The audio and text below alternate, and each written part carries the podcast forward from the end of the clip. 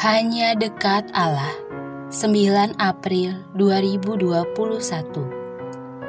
Waktu biologis.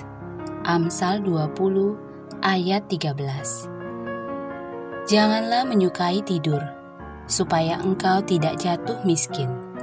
Bukalah matamu dan engkau akan makan sampai kenyang. Amsal ini mengingatkan pembacanya untuk tidak bermalas-malasan Caranya adalah dengan bekerja. Jika tidak, pastilah mengantuk dan akhirnya tertidur. Kerjaan menjadi terlantar, dan ujung-ujungnya rejeki pun seret. Namun, kelihatannya Amsal ini juga tidak mendorong pembacanya untuk bekerja hingga larut malam. Bagaimanapun, tubuh manusia punya jam biologisnya sendiri Pagi hingga sore hari ini memang waktunya bekerja. Kalau perlu, beristirahat, apalagi setelah makan siang.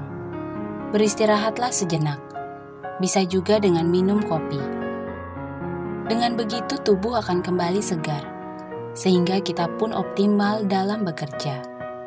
Nah, malam hari memang saatnya tubuh beristirahat.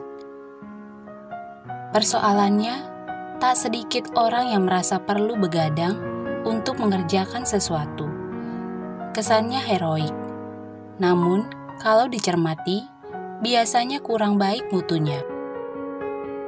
Dan bahayanya, kita malah mengantuk di pagi hari sehingga tak mampu bekerja secara maksimal. Bisa jadi karena begadang semalaman, kita malah tak mampu bekerja dengan baik seharian. Kalau sudah begini, rugi dua kali namanya. Lalu, apa yang harus kita lakukan? Tak ada jalan lain. Ikuti waktu biologis tubuh kita. Jangan paksakan diri. Itu hanya akan membuat kita tak mampu bekerja secara optimal. Boro-boro maksimal.